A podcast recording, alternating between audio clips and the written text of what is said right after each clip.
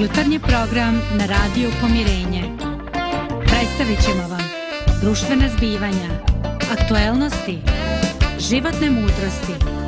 Uključit ćemo i goste koji će govoriti o različitim aspektima života. Sve ćemo bogatiti dobrom muzikom. Sve to samo za vas. Jutarnji program. Jutarnji program.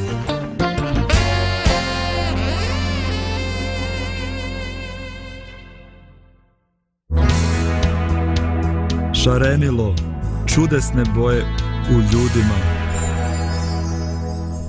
Dragi naši gledalci, slušalci, dobar vam dan. Nadamo se da ste dobro. Mi ovdje jesmo dobro. Pozdravljam svoju koleginicu Lidiju koja je sa mnom fizički u studiju. Pozdrav za tebe, Dragana. A pozdravljamo i našeg kolegu koji je online. Kolega Zdravko, ili se čujemo? Zdravko. Zdravko, mi tebe čujemo, da li ti nas čuješ? Verovatno će se i on uključiti, mi njega vidimo i čujemo, tako da tu je. okay. Dobro, samo da zna da ima mahanje od nas. A, mi se ovdje stvarno osjećamo udobno i nešto o čemu ćemo govoriti tiče se te udobnosti.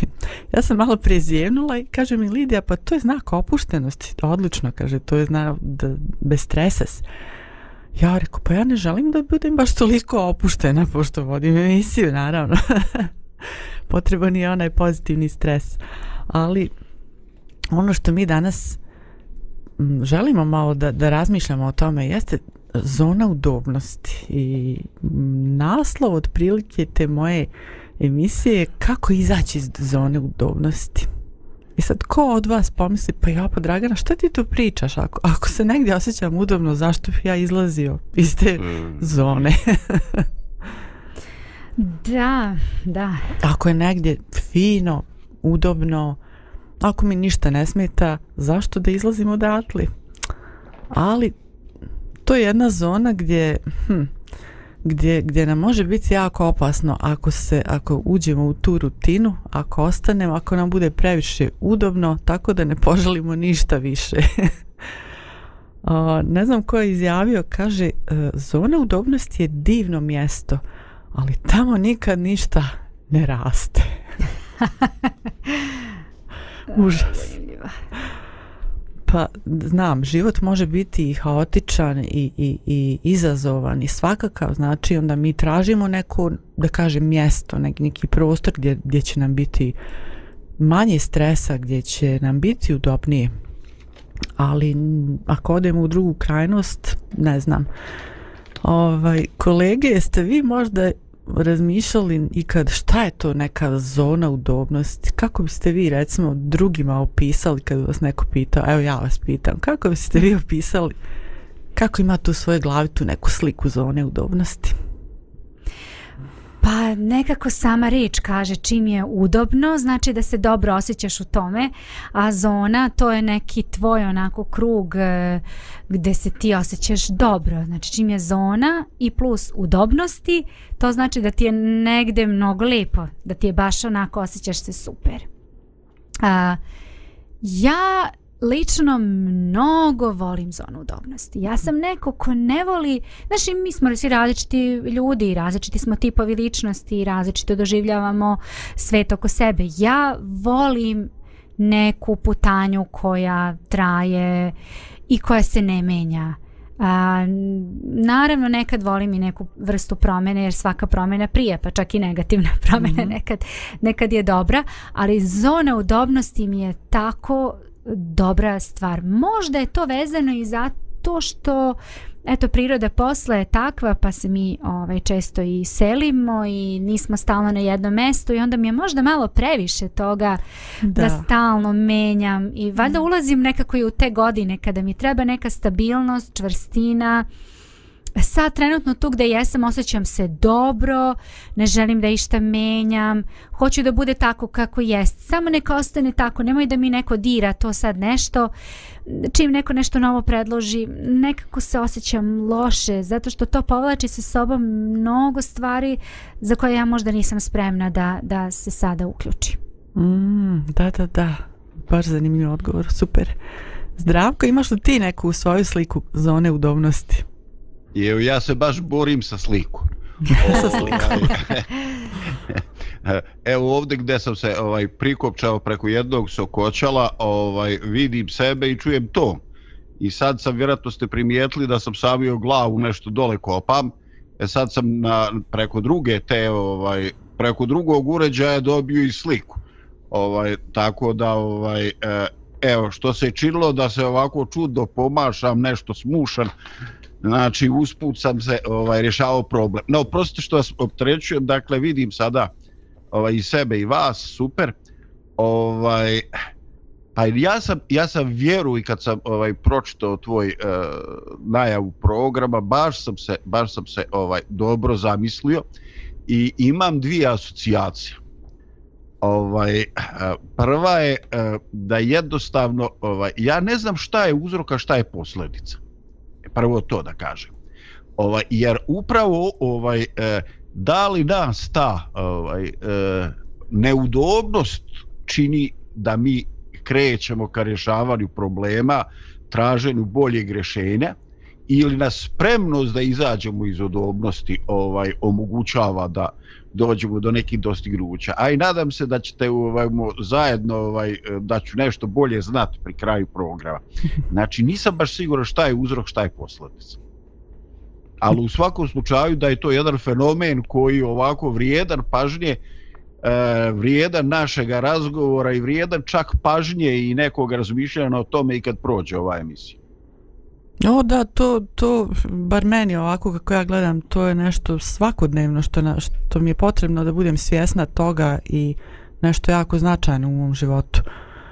Ovo, ovaj, šta da radim sa tom do, zonom udobnosti, da li ona nešto pozitivno ili negativno, ali i vi ste napravili dobar uvod, a razgovarat ćemo o svemu tome u toku emisije, ima, ima o tome puno da se razgovaramo, možda da napravim čak i drugu emisiju.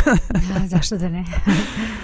Uglavnom, sad ćemo malo da predahnemo uz muziku, pa se onda vraćamo.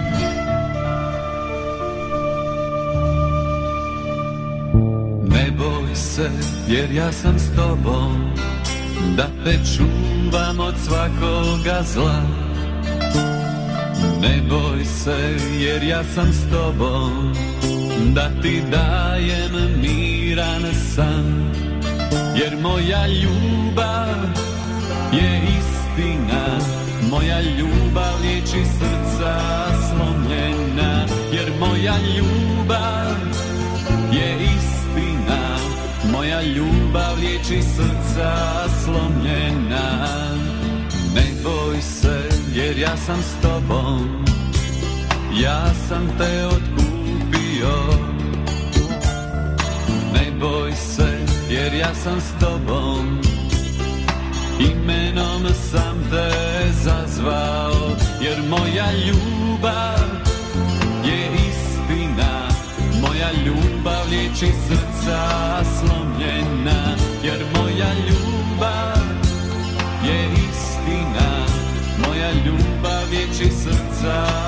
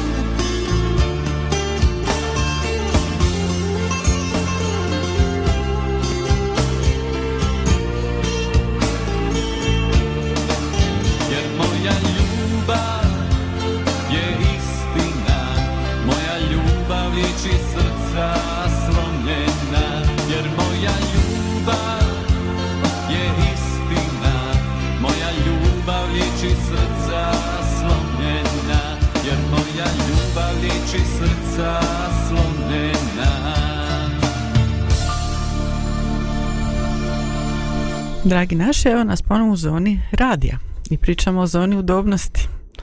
Da li treba izaći iz te zone i zašto uopšte? Da li je to nešto dobro ili loše? Da, to je neka zona, neki prostor, da tako kažem, koji nam je poznat. I to je dobro što kažeš ti, Lidija, dobro imati neku putanju, znači čovjek se i osjeća sigurnije i onda može i uraditi neke stvari bolje. Ali ako to ode u neku drugu krajnost, ako nam to postane neka prevelika rutina i stalno isto, isto, onda da li onda možemo uspješno da radimo neke stvari? Ne mislim samo na posao, nego bilo šta, znači svaki dan svoj, da, da tako gledamo i šta, kako da ostvarujemo te razne stvari u svom životu. Postaje sve predvidivo i, i rutinski jednostavno. I nije da mi nemamo želju da, da izađemo iz te zone. Nekad nam je stvarno potrebna promjena i želimo to jako, ali tu treba uložiti puno napora. I onda, i onda se pitamo, a zašto mi je tako teško napustiti tu moju zonu, udobnosti ili komfora? I stvarno jeste vi kad razmišljali zašto, zašto, šta nas to nekako vuče da ostanemo u toj zoni? Uh, da se zalijepimo onako u, u taj što si ti nazvala krug neki, neki balon gdje se osjećamo sigurno šta nas to vuče da ne izađemo iz njega?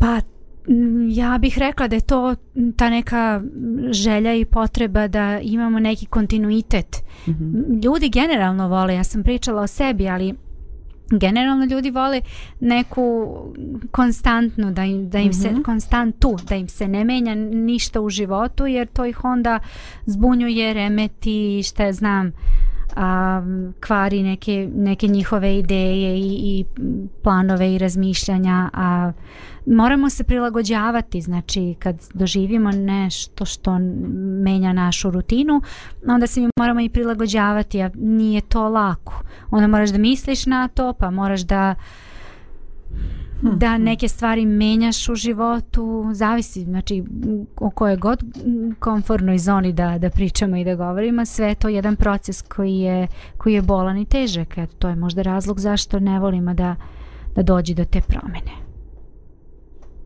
Zdravko. Pa mislim Kako da je tu da je tu neki ovaj uh, faktor sigurnosti igra krupnu ulogu. Znači, mhm. ovaj, svi mi imamo neki prostor uh, ovaj e, često je to naša dom, neka soba, neka ovaj mjesto u kojem mi želimo da se izolujemo od svega onoga što nam stvara adrenalin, što nas na neki način stavlja u izazove tokom dana. Ovaj i to je posve normalno. Znači čovjek ima potrebu za ravnotežom, e, za tim adrenalinskim ovaj e, periodom za uzbuđenjem i ima potrebu za opuštanjem i tako. Znači mi ne želimo uh, danas u toku dana, u toku noći, u svako vrijeme neko zove telefonom da nas ima i tako. Ja imam običaj isključiti ovaj uh, Wi-Fi na, na mobilnom ovaj, uh, tokom noći jer šta ja znam, mislim, šta će mi? Ako je baš hitno, zvaće me neko na telefon. Ovaj, s jedne strane, znači čovjek ima potrebu ovaj za sadržajnim životom, za uzbuđenjima, za adrenalinom, za izazovima koji mu podižu taj neki tonus, a da bi to funkcionisalo i da bi ostali zdravi, znači trebamo i period ovaj opuštane. E sad eh, problem je ovaj problem je kad mi kažemo joj kako sam se opustio, kako je meni lijepo u mojoj sobi, ja bi sad ja bi sad da tri dana ne izlazim iz sobe. Znači to je već sad već ulazimo u, u problem koji ti možeš da nam sugerišeš svojim pitanjem. Mislim, to je, znači, moramo u život. Da, da, upravo se o tome radi. Hvala ti puno. ono, nekad nas nešto baš povuče ili kad odemo na godišnji, ono, joj, meni se ne vreća. Ja, kako ću sad uklopiti ponovo u posao? Koliko će mi vremena treba da... kako ponedeljak ponedeljak, Dragana. U, ponedeljak, dragi ponedeljak. posle sadržajnog vikenda. Divni, divni ponedeljak, da. Ali pravo da ti kažem, ja volim da se vratim s godišnjeg odmora. Zvučat će malo čudno možda, ali ja volim taj osjećaj. Naravno, jedva iščekam na priželjkojem brojim dane kad ćemo ići na godišnji odmor, šta će se tu sve izdešavati. Ali ovaj, i volim da, da, da se vratim s godišnjeg odmora zato što umorim se zanimljivo je, ali ja mislim da su možda i gledalci i slušalici to doživali ovaj, da hmm, Da Prva sam, se, ja sam doživjela isto to. Jest, jest, jest. Umoriš se nekako od tih svih silnih aktivnosti, od svega što se dešava. Treba ti mir da dođeš kući, da se vratiš na svoju rutinu i mm. da se hmm. vratiš u svoju zonu komfora. Bravo. da. Ja, evo kako je neko ovaj, definisao tu, tu zonu komfora. Kaže, naša zona komfora je prividan, prividan prostor gdje se naše aktivnosti i ponašanja uklapaju u rutinu i šablone koji smanjuju stres i rizik. I to nam daje osjećaj mentalne stabilnosti i sigurnosti. I ta, ta ideja to nije nastalo u zadnjih 20-30 godina, kažu da se pojavila tamo početkom 20. vijeka, ja mislim 1908. I ovaj tada su ovaj psiholozi objašnjavali to stanje komfora, to to ta neka zona gdje je manji stres, gdje nema toliko anksioznosti. I onda se mogu ostvarivati rezultati, ali kažem došli su i do tog zaključka kada je, kada je neophodno da, da imamo određenu, o, određen nivo stresa uh, koji će nas pokretati da ostvarimo upravo bolje, bolje rezultate. Naravno, ako smo pod previše pritiska, pod previše stresa, onda, onda isto to sve kvari, te naše rezultate u životu. O, sad, kažem, zona komfora ne znam da li je loša ili dobra stvar, ovaj, ali uglavnom sva, svako od nas treba neki prostor uh, u svojoj glavi gdje će se osjećati udobno, gdje će biti smiren, gdje će se sleći ta prašina koja se već ustala sala i to gdje će se slika razjasniti i onda da vidimo kako ćemo dalje, ne samo poslije godišnjeg, nego bilo gdje. Mm -hmm. Pa da, evo recimo zašto ja sam do sad nekako se više fokusirala da, da, da možda da, da objasnim onako kako ja to vidim i razumevam tu zonu komfora i zašto je ona meni bitna.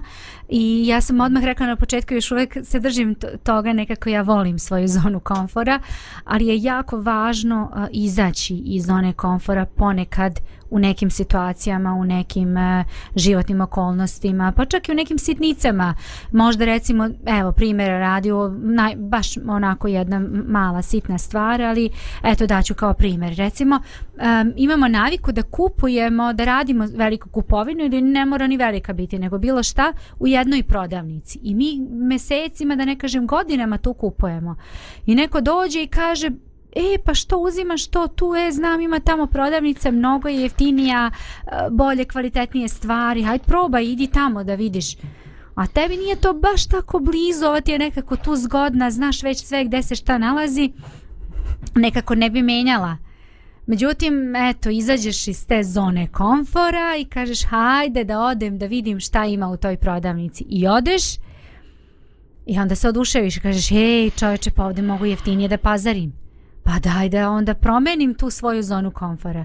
I onda ljudi promene i dolazi do pozitivnih nekih ove ovaj, stvari. To je tako jedna banalna stvar, tako jedna sitnica, a eto promeni ovaj u životu taj neke poglede na, na neke stvari koje to, doživljamo. To je super, baš mi je drago da, da si to spomenula, jer, jer obično kad kažemo kao izlazak iz zone komfora, sad mislim ono, wow, neke drastične, ogromne promjene u životu, ali tu, tu su potrebni neki mali koraci za te male stvari da bi se neke pr promijenile i onda, onda nam ali o tom ćemo poslije pričati mhm. ovaj, da. da bi došlo do ušte promjene u našem životu i našem pogledu na svijet. Dalje napravimo još jednu malu muzičku pauzu pa ćemo se opet vratiti u emisiju.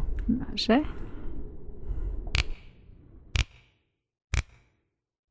Radio, radio. Radia Pomirei.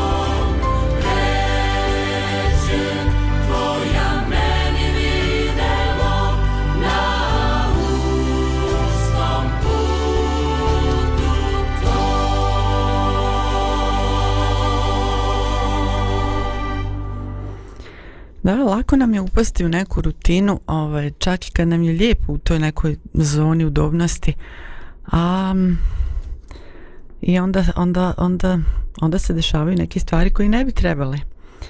Sve nam je tu, da, poznato i, i, i stabilno i to nije nešto loše. Ali, ali, ima ono ali. E, ako sve funkcioniše, zašto onda da upadamo u neki rizik? Zato što ima to i svoje prednosti um, izlazak iz te zone um, udobnosti um, bar evo ja sam spomenula jedan od od tih pre, jednu od tih prednosti koja je a to je da nam se povećava naša lična neka produktivnost znači um, nešto u nama se razvija raste nešto se u nama tako mijenja da jednostavno i mi naši rezultati postaju drugačiji nije to samo nešto više uraditi, da li kad smo zaposleni, pa ono što više posla ili ne znam u kući, obaviti sve više, više, više, nego jednostavno produktivnost nam se mijenja, postaje bolja. Bolji smo nego što smo bili ranije. da li ste vi razmišljali o nekim prednostima kada izlazimo iz zone udobnosti? pa evo, Aha, reci zdravko. ako ako ovaj mogu ovaj ja sam u životu vidio nekoliko tih situacija koje ima asociraju novo što ti Dragana pričaš. E, na primjer, posle ovoga rata su mnoge firme postale e, prestale da rade i ovaj i onda su recimo ljudi sa čitavog jednog područja koje je gravitiralo tom nekom velikom rudniku ili ajde već ovaj e, ostali bez posla.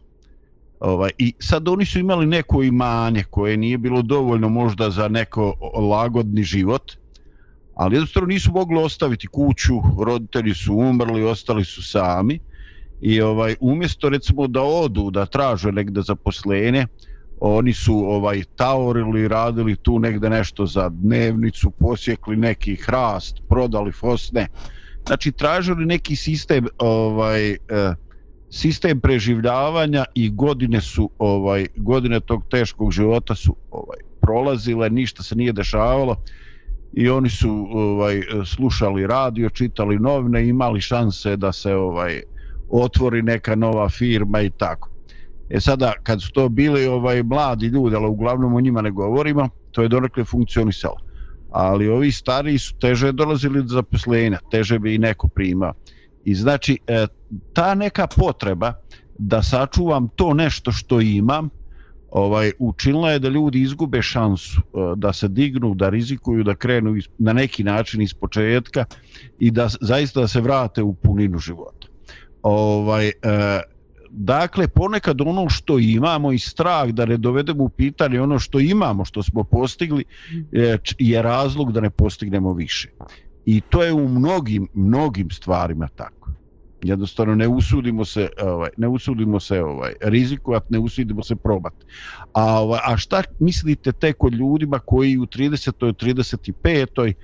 imaju neki svoj posao neki svoj biznis ovaj koji je ajde da kažem ovaj možda zadovoljavajući možda manje zadovoljavajući ali to to je što je taj neki mentalitet naučio sam šta je trebalo da naučim probao sam šta je trebalo to je to to je život Dakle, ja definitivno mislim da čovjek mora biti uh, otvoren prema uh, promjenama i prema nekim mogućnostima koje se u, u život pruži.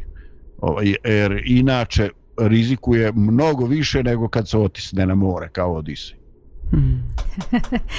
Evo sad ću reći zašto sam se malo pre nasmejala onako pre nego što si počeo da govori zdravko dok, je, dok si ti Dragana govorila setila sam se tebe zdravko pa evo sad ću reći nešto što možda gledaoci i slušaoci ne mogu baš tako da uprate ali mi koji radimo u našem timu u našoj emisiji znamo ovaj, da ako je neko izlazi iz svoje zone komfora i menja konstantno neku svoju ulogu kada je u pitanju radi posao ovde, to je zdravko.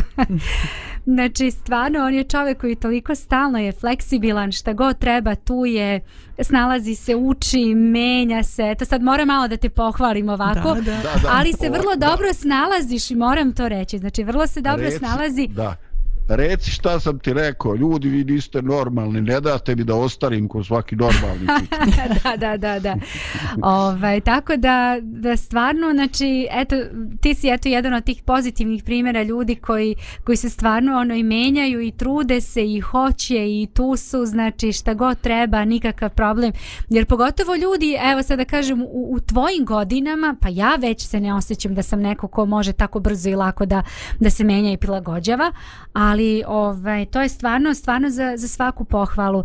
Ali rekla bih i ovo, povezala bih sa ovim što si ti, ovaj, o čemu se ti govori o našim ljudima, na o našim prostorima, a ja bih rekla pogotovo ovdje u Bosni i Hercegovini, Znači, rat je stvarno učinio osim drugih negativnih stvari upravo i to da su ljudi izgubili svoju zonu komfora i da su izgubili svoje poslove, mogućnosti da rade, da žive a, eh, sa onim sa čime su za ono zašto su se školovali, za ono što je njima blisko i drago, nego se moraju ljudi prilagođavati Znam x primjera ljudi koji su morali totalno da menjaju svoje poslove, razmišljanja, interesovanja i to više puta u toku ovih svih silnih godina koje su prošle posle rata, prošle već evo, znači 20 i i više godina.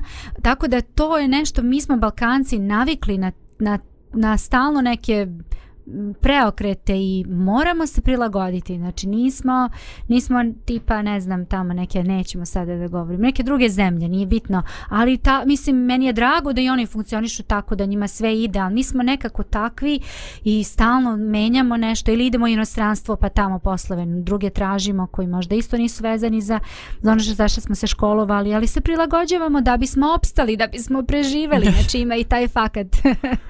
uh, ovaj, uh, Lidija, Silvija, Dragana, ako dozvoliš, samo bi kratku jednu ilustraciju. Naravno, naravno. Ovaj, e, ima naš jedan e, sugrađan i mjesto gdje ja živim, ovaj, otišao je za, za Ameriku. Ovaj, I ovaj, radio je u jednom zaposlio ga kao čoveka koji dovozi iz magacina stvari tamo u rafe ili šta već. E, ovaj i uh, on je počeo da radi u tom velikom tržnom centru onako malo jezik početni stadiju bi tako da skratim priču uglavnom desilo se nešto što se tamo jako rijetko dešava nestalo je struje ali da stvar bude gora desilo se nešto još više nezamislivo agregati nisu uključili na vrijeme i nastala je varenda situacija i našti čovek ovaj otišao do rafe upali upaljač našao par svijeća, par baterijski lampe, poredao svijeće svako 10 metara prema izlazu, prema kasi. Ovaj, ljudi se bili pogubili, počele žene da vrište. On upalio dvadesetak svijeća, napravio koridor i ovaj ljudi su krenuli polako prema kasi, ušli u tu zonu osvijetljenu da im se nešto ne desi i tako u mraku. I ovaj, nakon da dva zovu njega tamo upravu firme velikog tržnog centra i pitaju ga sasvim ozbiljno, kaže ti kad si se prijavio za posao nisi nam rekao da li si ti prešutio da si ovaj e, završio neku obuku za specijalne naredne situacije. Kaže, ljudi, šta je vam, jeste vi normalni? Pa tamo kod nas u Bosni stalno varna situacija, šta će vam? ja sam da... samo rođen u Bosni. Ovo je normalno.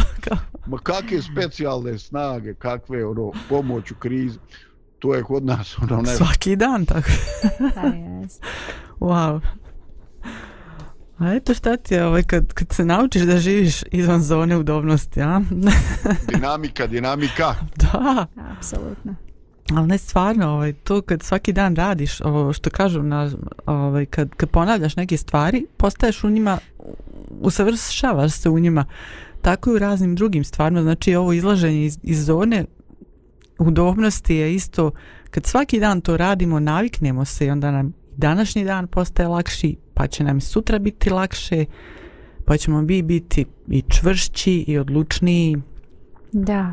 Pa evo recimo moja čerka sad je upisala srednju školu i sad je za nas i početka, početak školske godine i početak radne sezone, ali pogotovo taj sad početak njene škole nam je totalno izlaženje iz komforne zone.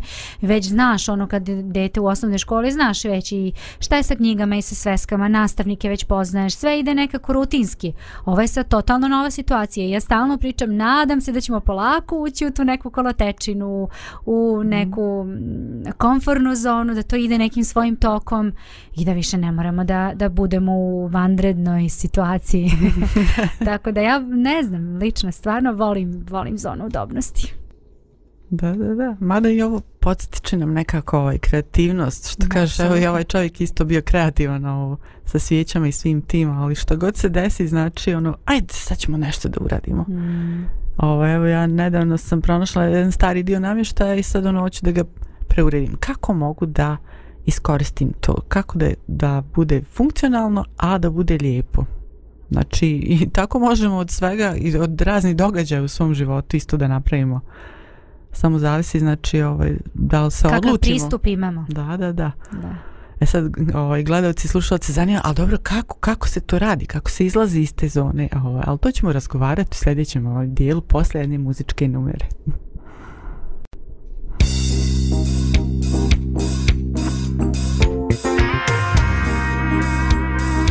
Radio Pomirenje.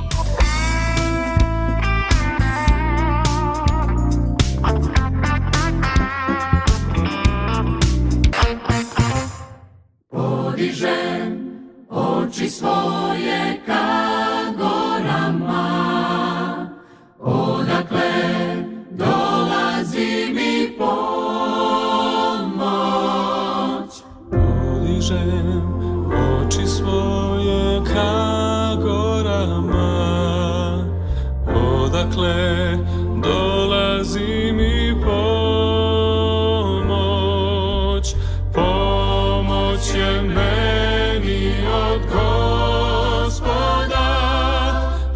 for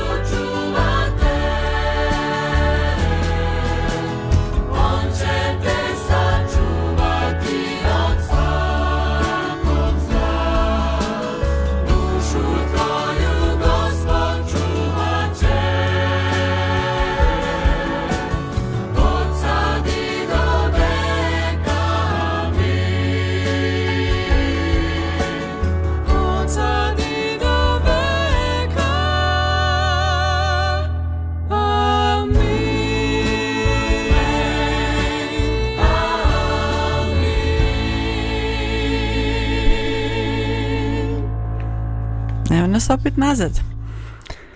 Kako da postajemo hrabriji, kreativniji, jednom reču bolji nego što smo bili možda juče? Tačnije, kako da izađemo iz te neke zone komfora i da, a, da, da nam još uvijek bude udobno, ali da imamo određene izazove koji će nam još činiti bolji i bolji. I kažem, to se ne radi od jedan put, ne pravi se neki veliki korak, nego po, potrebni su neki mali koraci. Uh, Ali prvo da, da a, kažem, a, neko je definisao, znači kad izlazimo iz zone a, udobnosti, postoje još neke zone izvan toga. I neko je to ovako napi, a, opisao. Prva znači zona oko toga je zona straha, pa onda zona učenja i onda zona ono što svi mi očekujemo i volimo zona rasta i uh, neke, neke uh, karakteristike tih zona, recimo zona straha, uh, u njoj se sadrži i nedostatak našeg samopouzdanja, onda dopuštamo da drugi imaju utjecaj na naše mišljenje, pronalazimo izgovore, znači tu to su neke karakteristike te naše zone straha i normalno je znači treba se prvo odlučiti u glavi da da da da načinim taj prvi korak iz tog nečega što ja smatram da mi je sigurno i što mi nije opasno, gdje nema toliko rizika, ali znam da, da ima negdje nešto bolje i onda treba mi da napravim taj prvi korak i iskreno ovaj nekad me popadne taj strah, ali još uvijek odlučujem da ga napravim jer znam da će se nešto pozitivno desiti, makar i ne bude uvijek tako, ali imam uvijek neku nadu da će, da će to me uh, i učiniti drugačijom osobom i, i nešto će se bolje desiti, promijeniti u meni. Tako da je to jedno ohrabrenje što se tiče toga. A što se tiče zone uh, učenja, o, karakteristike te zone su suočavanje recimo sa izazovima i nekim novim problemima, sticanje novih vještinja, vještina, širenje um, te naše zone komfora, znači tog nekog našeg um, horizonta, da tako kažem. Um, I zona rasta, e sad, to je ta posebna zona. tu se stvaraju ti ciljevi i tu smo onako zadovoljni. To nam u stvari postaje ta neka nova zona komfora. Ta zona rasta gdje ima više izazova. Ali da nastavimo mi dalje sa ovim koracima. Koracima kako, kako činiti te? Vi ste nešto i već i ispominjali, ovaj, recimo što bih ja eh, spomenula, jedan od tih koraka kad se izlazi iz zone eh, komfora je da se suočim sa svojim nekim strahovima. Šta me to sprečava da ja izađem iz te zone? Šta ja mislim da će mi se desiti? Šta je to najgore što će mi se desiti? Ne znam, ako ja hoću, ne znam, eto, da kupim u nekoj novoj prodavnici. Joj, šta mi se najgore može desiti? Da me zabole noge ili ne znam, mm. da mi se pokvari uh, vozilo kojim se prevozim, da, da ne znam, uh, da se desi, šta, šta se sve može desiti na tom mom putu u novu prodavnicu? mm. ili ako hoću da napravim nešto kreativno, ne znam, da naslikam sliku ili da napišem pjesmu, uh, šta mi se tu najgore može desiti, šta mi sprečava da ja tu učinim ili ne znam šta. O, to je jako dobro razmišljanje, to mi se sviđa da nam kao pomogne da, da izađemo iz te zone, fantastično. Ja recimo u mom slučaju razmišljam o tome, o benefitima, o koristima izlaženja iz te zone. Razmišljam šta mogu da dobijem ako, ako se uključim u nešto što do sad nisam, a od mene se zahtjeva da, da izađem iz toga. Šta, šta dobijam sa tim? i ja šta dobijam i šta možda dobiju ljudi oko mene ako se ja budem uključila. I onda je druga stvar koja pomislim da li ja to stvarno realno mogu u smislu da to sad, znaš, kad prihvatiš nešto, to treba da prihvatiš svim srcem i da to radiš. Znaš, ne možeš da prihvatiš, e, posle kažeš, e, šalila sam se hm. ja to. Ma, ne vrijedi, ovaj. ne.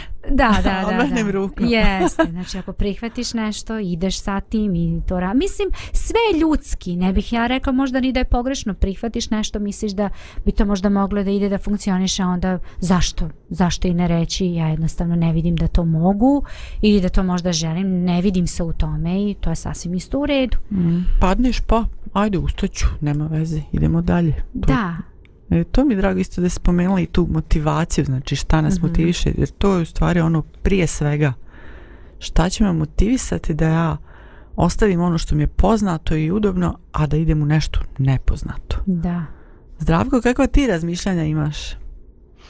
Pa ne znam, mislim da je ključna, ključan taj strah koji ti spominješ, ali strah ne, ne uvijek od, od nekčeg, nekog grubog, bolnog ubitka, uh, nego jednostavno ovaj od e, truda koji će otići u budale mislim ono bez veze od strah od neuspjeha u smislu mm -hmm. ono precijenio sam se i tako ovaj e, ja sjećam pre jedno više od 15 godina ovaj e, bio je jedan program za izradu web stranica i tad sam se ja ozbiljno interesovao za to e, front page i ovaj ja sam u tome nešto radio onda je došao jedan mlađi čovjek i rekao mi imam moćan program, novi program, a ako želiš nešto ozbiljno da radiš, ako želiš neku paru da ubiješ, pređi na ovaj a, ovaj e, a, Dreamweaver, ja, valjda se tako zvao. I ovaj ja sam to nabavio neku kopiju tog programa, uključio i kad sam ja to uključio i kad sam ja vidio broj tih kartica i broj opcija, moja prva reakcija je a joj, pa ja sam prestar da ovo počne učiti čovječ, pa ovo je, ovo treba završiti tri godine škole da bi znao s ovim raditi.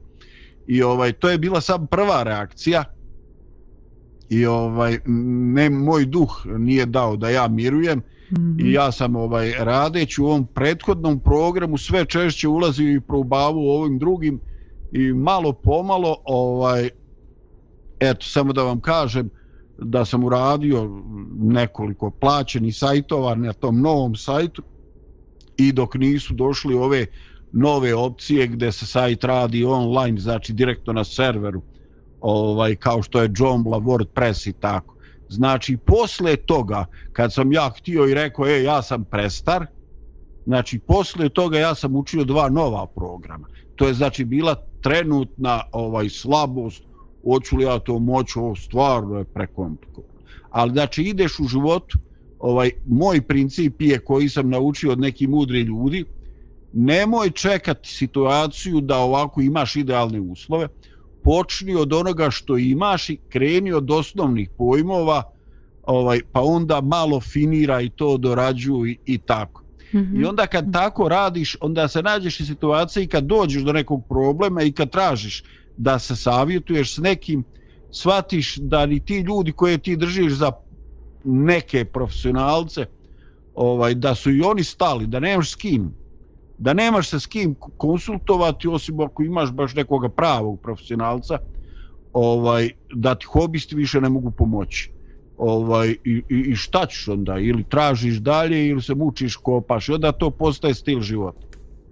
Da, slično sam situaciju i ja imala slušajući tebe. Ja sam skoro trebala da, eh, da promenim miksetu. A, znači, to je, sad vama to zvuči, bo, to uzmeš, promeniš, ta, malo se prilagodiš, to je za mene bio baš stres. Ali ovaj, osoba koja nam je to montirala i radila, već je poznajemo jedno duže vreme i već znam njegov stil i kako on radi i funkcioniše, on mi je više puta govorio i to mi sad stalno onako ostaje sveže. Zna čovek, on je malo i psiholog, ovaj, on kaže, samo polako, bit će to sve. Kaže, to je sve skoro isto, nema šta. Ali onda on meni govorio koji su benefiti, koje su pozitivne strane toga, baš ono što smo pričale, Mm. malo pre što sam ovaj, spomenula, znači koje su koristi toga što sad bi to menjamo? I on kaže, to je tako u životu, kaže, ja isto, imao sam ovo pa moram da promenim, pa onda hajde sad uči to, pa onda dobiješ ono novo, aha, ok, sad opet nešto novo. Um, život je takav, život je dinamičan, život zahteva neke promene od nas u životu. Nije lako uvek prilagoditi se. Znači, trebalo mi je puno vreme, puno, trebalo mi je određeno vreme dok sam savladala, naravno, ni sad ne znam sve, ali ono što mi je potrebno za rad, dovoljno znam znam da mogu sada da radim i da funkcionišem kad je to u pitanju, ali znači prilagođavanje je prirodan proces koji kojim se podvrgavamo i trebamo se podvrgavati radi nekih koristi i, i dobrobiti. Pa da, ako nema prilagođavanja, nema, nema rasta, nema da. razvoja. Kaži, Možda, kaži zdravku. Ovaj, ako mogu reći, ovaj, eh, pogledaj, ja shvatam da dođe neko životno doba kad je čovek fizički manje pokretan kad ima ovaj te gobe, kad mu treba da popije dve tablete da bi izašao ovaj do obližnjega ovaj parka da prošeta i meni je sasvim u redu ako takvi ljudi izađu i ponese komad ljeba i hrani golubove. Ali ovaj e, ja sam se duboko osvjedočio ovaj da taj neki kompletan doživljaj e, onoga što mi e, zovemo starost ili, ili, ili radni vijek e, prvenstveno zavisi od mentalnog stanja. Dakle, dogod si ti spreman da preduzmeš izazove, da uđeš u rizik, da neke stvari kreneš iz početka, da se, da se e, pomučiš, da savladavaš problem. Ja mislim da te to ne samo čini funkcionalnog u nekim konkretnim životnim situacijama i za situacija, situacijama, i zahtjevima postali hobija ili bilo čega, nego ovaj da to bitno utiče ovaj čak i na naš neki tjelesni aspekt e, biološki. Ovaj e, tako da se donekle e, čak se i naše godine postaju donekle relativna stvar. Jer ovaj ako mentalno se predaš, odustaneš od sebe, odustaneš od razvoja, onda ti možeš biti starac sa 35 Tako je. A može biti ovaj vitalni čiko sa 60 i neko. Dakle, ovaj, vodite računa i pogotovo mislim da je to važno za, za ženski svijet. E, vi ne smijete odustati od sebe, kao ni mi. Ma, ne smije niko. e, tako je, niko ne smije. A ovo, tu smo baš spominjali te razne stvari, znači to, to učenje. Bez učenja čovjekov život je nekako prazan i, i, i ne može da ostane pozitivno i nuli, može samo da bude, da bude gore kad se ne istražuje, znači od banalnih stvari kad krenemo. Evo recimo nedavno sam ja tražila neku specifičnu vrstu boje i saznala sam da je to na nekom drugom kraju Banja Luke i tu nisam dugo bila i vidjela sam da ima neke promjene i baš, baš sam se obradovala što sam ponovo došla u taj dio o, nekad sam češće prolazila tamo ovaj i ba, baš, baš sam uživala boravići tamo znači samo što sam prošla tim dijelom ovaj, i plus još saznate još neke informacije. Znači to učenje, istraživanje, to, to je jako bitan aspekt života. Znači, nevezano za posao, za, za hobi, nego jednostavno tu su i naši međuljudski odnosi. Tu, tu je, to se tiče naše ličnosti. Mm -hmm. ovo, ovo či, o čemu emisija govori je naša ličnost i promjene koje trebamo u njoj. Apsolutno. Znači, tu se radi o nekim... Mm -hmm malim, malim promjenama, znači to što si ti rekao, to treba ra raditi um, polako na neki način i ti si to spomenula, mm -hmm. znači ne, ne trčati, ne, mijenjati jednostavno i svoj način mišljenja. Može se nekad bojimo da, da brže donosimo odluke, a zapravo treba obratno. Ili neki na prečac donose odluke, a trebaju promijeniti to. Mhm. ili recimo neke stvari u životu da svakodnevne stvari koje radimo da radimo na drugačiji način da, da skuvamo neko jelo na drugačiji način bravo, baš sam to htjela da spomenem sad baš ja idem u tom pravcu da je naš život, znači postoje neke stvari koje ne volimo da menjamo ja sam recimo probala uh, slanu plazmu. Ne znam da li ste vi probali ili niste. Yes. I meni je to okej. Okay. Znači, ukus mi je fin, ali za mene je plazma slatka. Kao što su kokice za mene slane. Bravo. I one se me. sole i nema nikakvih karamela i čokolada i sve to okej okay za nešto drugo. Ali za kokice, to mi je taj ukus. Probala sam, nije mi se svidelo i to je to. Ali postoje stvari, recimo, u kuhinji kuvamo mesecima, godinama na isti način supu. Mm I neko dođe i kaže, e, hajde, i sad ti, znaš, ko je spreman da uči i da se menja, vidiš, mm, vidi kako ona to stavi recimo prvo ulje, pa malo nešto tamo, neko kao malo, malo zaprži, pa onda doda. I ono, e, pa da, onda žena kaže, pa ja, ja to tako radim mesecima, eto, probaj, pa vidjet ćeš, ti probaš, oduševiš se, kažeš, fantastično. E tako nam je i u životu, znači život može da nam bude ukusniji druga kada napravimo mm. neku promenu u životu to su tako male neke sitnice, ali izgleda drugačije. Pa da kad promeniš recimo rutu puta gdje putuješ svako jutro na poslu, to odmah menja, menja perspektivu životnu, menja e, svašta nešto u životu. Pa ako govorimo o nekim grupnim promenama, naravno, one zahtevaju možda malo više vremena i razmišljanja, ali promene su i tekako mogu biti pozitivne, iako postoje, kažem, neke stvari koje smo naučili da tako budu i treba ih ostaviti tako kako jesu. Ne mislim da baš u svemu trebamo izaći iz te neke zone komfora, ovaj, jer nam je lepo, ali nekada povremeno menjati neke stvari može biti stvarno vrlo dobro i pozitivno. E, super. I sad ćemo napraviti još jednu malu pauzicu prije ovog završnog dijela, a u tom završnom dijelu ćemo spomenuti pitanje da li, evo stalno govorimo o izlasku iz zone komfora, ali sad ćemo se uh, pitati i možda uspjeti dati odgovor da li se možda treba nekad vratiti u tu zonu komfora, ali prvo jedna pjesmica.